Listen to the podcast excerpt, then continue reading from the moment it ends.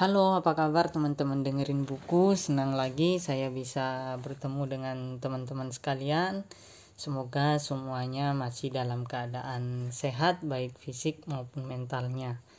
Oke, uh, hari ini saya sangat senang sekali setelah selesai membaca satu buku yang bertema kesehatan mental atau psikologi yaitu judulnya Butterfly Hug dari Teni Purwanti.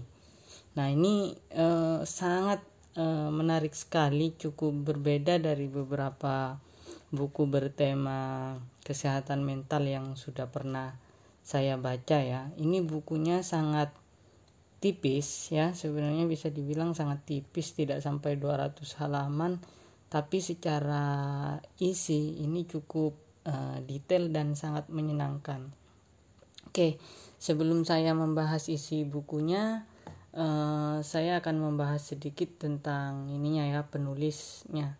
Jadi uh, Butterfly Hack ini sekali lagi karya dari Teni Purwanti yang diterbitkan oleh Mojo di uh, akhir tahun 2021 ya. Nah, kemudian uh, penulisnya di sini biografinya di uh, dikatakan bahwa uh, dia adalah seorang jurnalis di narasi. Saat ini yang sebelumnya juga pernah bekerja di kompas.com dan Femina Group juga pernah menulis di magdalene.co kemudian juga pernah terpilih sebagai salah satu emerging Indonesian writers di Ubud Writer and Research Festival tahun 2015 Nah, kemudian juga sudah punya beberapa karya ya, salah satunya uh, Joyoks uh, Anniversary masuk dalam buku cerpen pilihan Kompas 2014. Kemudian ada di Tubuh Tara dalam Rahim Pohon. Kemudian juga kalau buku pertamanya ada Sambal dan Ranjang, mungkin ada teman-teman yang sudah pernah membaca karya pertama dari Teni Purwanti. Nah, uh, ini ya dari latar belakang Teni Purwanti yang seorang jurnalis ini saya sangat uh, senang ya.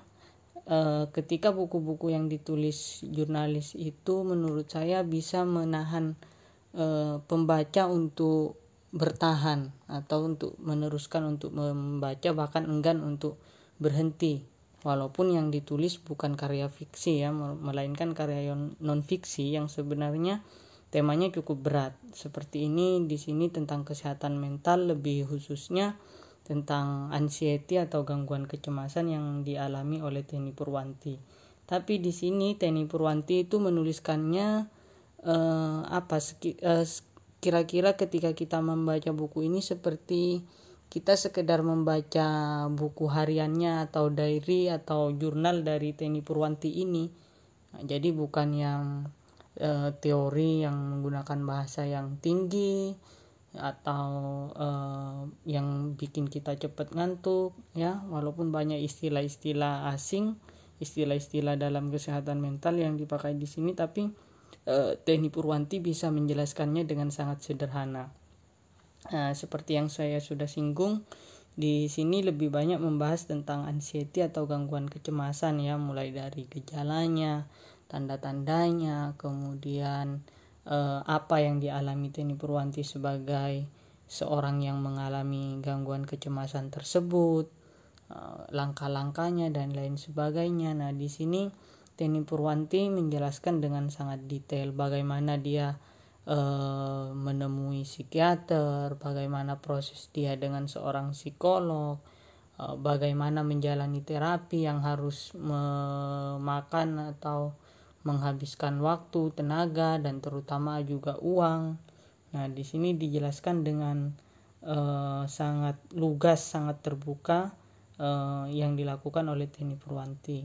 Di epilognya, di penutup juga menarik alasan Teni Purwanti menuliskan buku ini karena di awal ditawari oleh penerbit Mojo dia menolak dengan berbagai macam alasan. Yang pertama karena dia bukan seorang yang ahli, bukan orang yang punya basic pendidikan dalam kesehatan mental. Terus juga banyak ketakutan-ketakutan lainnya, ketakutan dia uh, akan dihindari oleh orang lain atau uh, dia akan mendapat stigma negatif dari masyarakat sebagai penyintas. Nah, ketakutan-ketakutan seperti itu awalnya memberatkan Teni Purwanti untuk menulis buku ini, tapi alasan dia akhirnya memilih untuk menerima tawaran dari penerbit Mojo ini sangat menarik ya. Karena alasan dia apa? Nah, alasannya adalah dia tidak ingin ikut menjadi masyarakat yang menempelkan stigma buruk bagi penyandang eh, orang yang mengalami mental illness atau gangguan mental. Nah, ini yang eh, alasan yang sangat mulia menurut saya.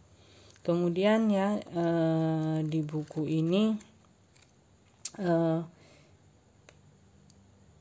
Teni Purwanti sekali lagi menjelaskan ya eh, apa yang harus dilakukan sebagai orang dengan uh, memiliki gangguan kecemasan, apa saja yang harus dihindari, kemudian langkah-langkah dalam menemui profesional dan uh, ini karena dia bukan orang yang berpendidikan di dalam bidang kesehatan mental ya.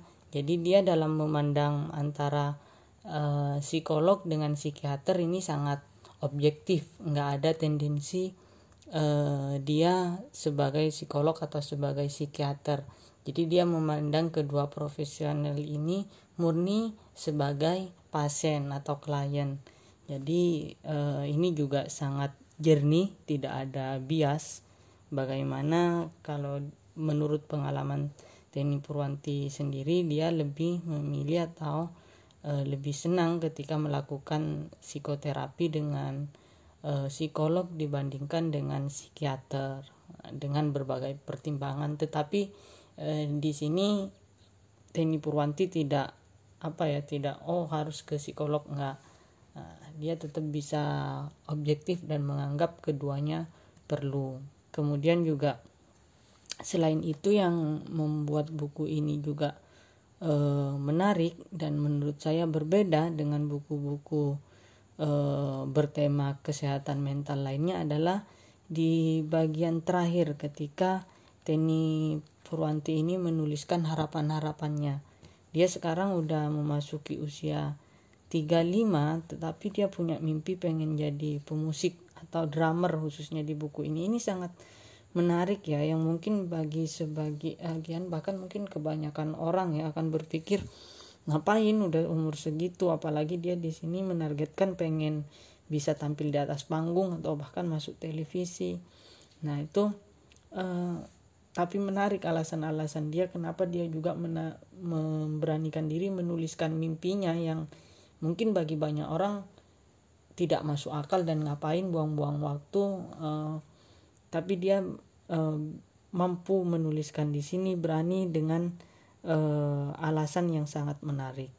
Kemudian juga uh, selain mimpi-mimpinya uh, tadi, kemudian juga yang paling penting di sini uh, dari beberapa terapi yang ia jalani, yang paling dia uh, pegang atau yang paling dia andalkan di buku ini adalah tentang mindfulness atau being here, uh, being here and now. Artinya kita Uh, sebagai orang yang memiliki gangguan kecemasan atau seorang yang pencemas ya langkah yang paling penting adalah kita harus memiliki mindfulness yaitu fokus aja di mana kita saat ini dan sekarang nah itu pelajaran pentingnya sih dari buku ini.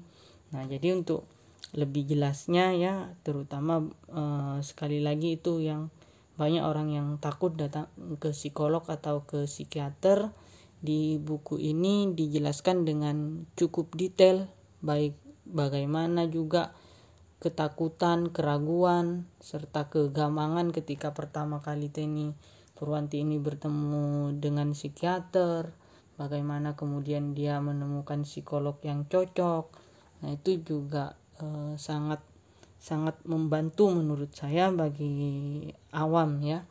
Nah, jadi untuk teman-teman yang suka tema-tema uh, isu kesehatan mental atau yang sedang uh, bahkan mengalami gangguan kecemasan, ada baiknya membaca buku ini ya, bukan untuk mendiagnosa bukan juga sebagai terapi tapi ini sebagai referensi agar kita lebih paham. Di buku ini juga sekali lagi ya bukan e, untuk mendiagnosa diri bukan sebagai terapi tapi hanya untuk kita memahami tentang kesehatan mental yang sebenarnya. Karena dari pengalaman Teni Purwanti ini sendiri dia sempat merasa bahwa dirinya adalah e, pengidap bipolar kemudian ketika dia pertama kali ke psikiater dia didiagnosa e, mengalami OCD atau obsesif kompulsif disorder. Tetapi ternyata ketika dia bertemu dengan psikolog diagnosanya adalah gangguan kecemasan atau anxiety tadi.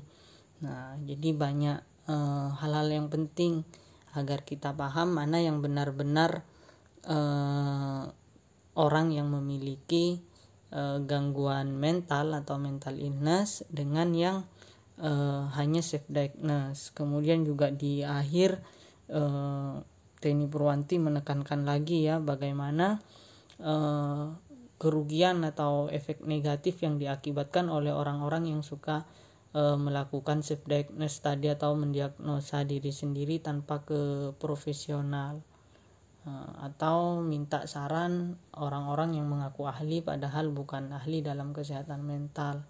Seperti misalkan kita tidak akan peduli lagi atau persepsi kita akan semakin salah terhadap orang-orang dengan e, gangguan mental. Nah, bagi si e, orang tersebut juga akan merugikan dirinya sendiri.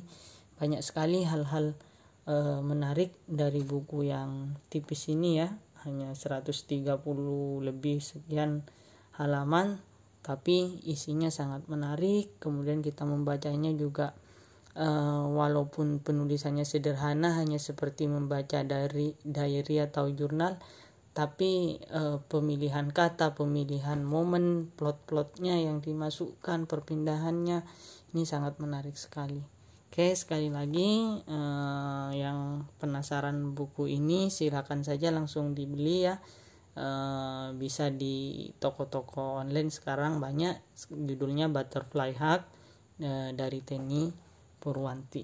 Oke, sekian terima kasih. Semoga kita bisa berjumpa di episode berikutnya.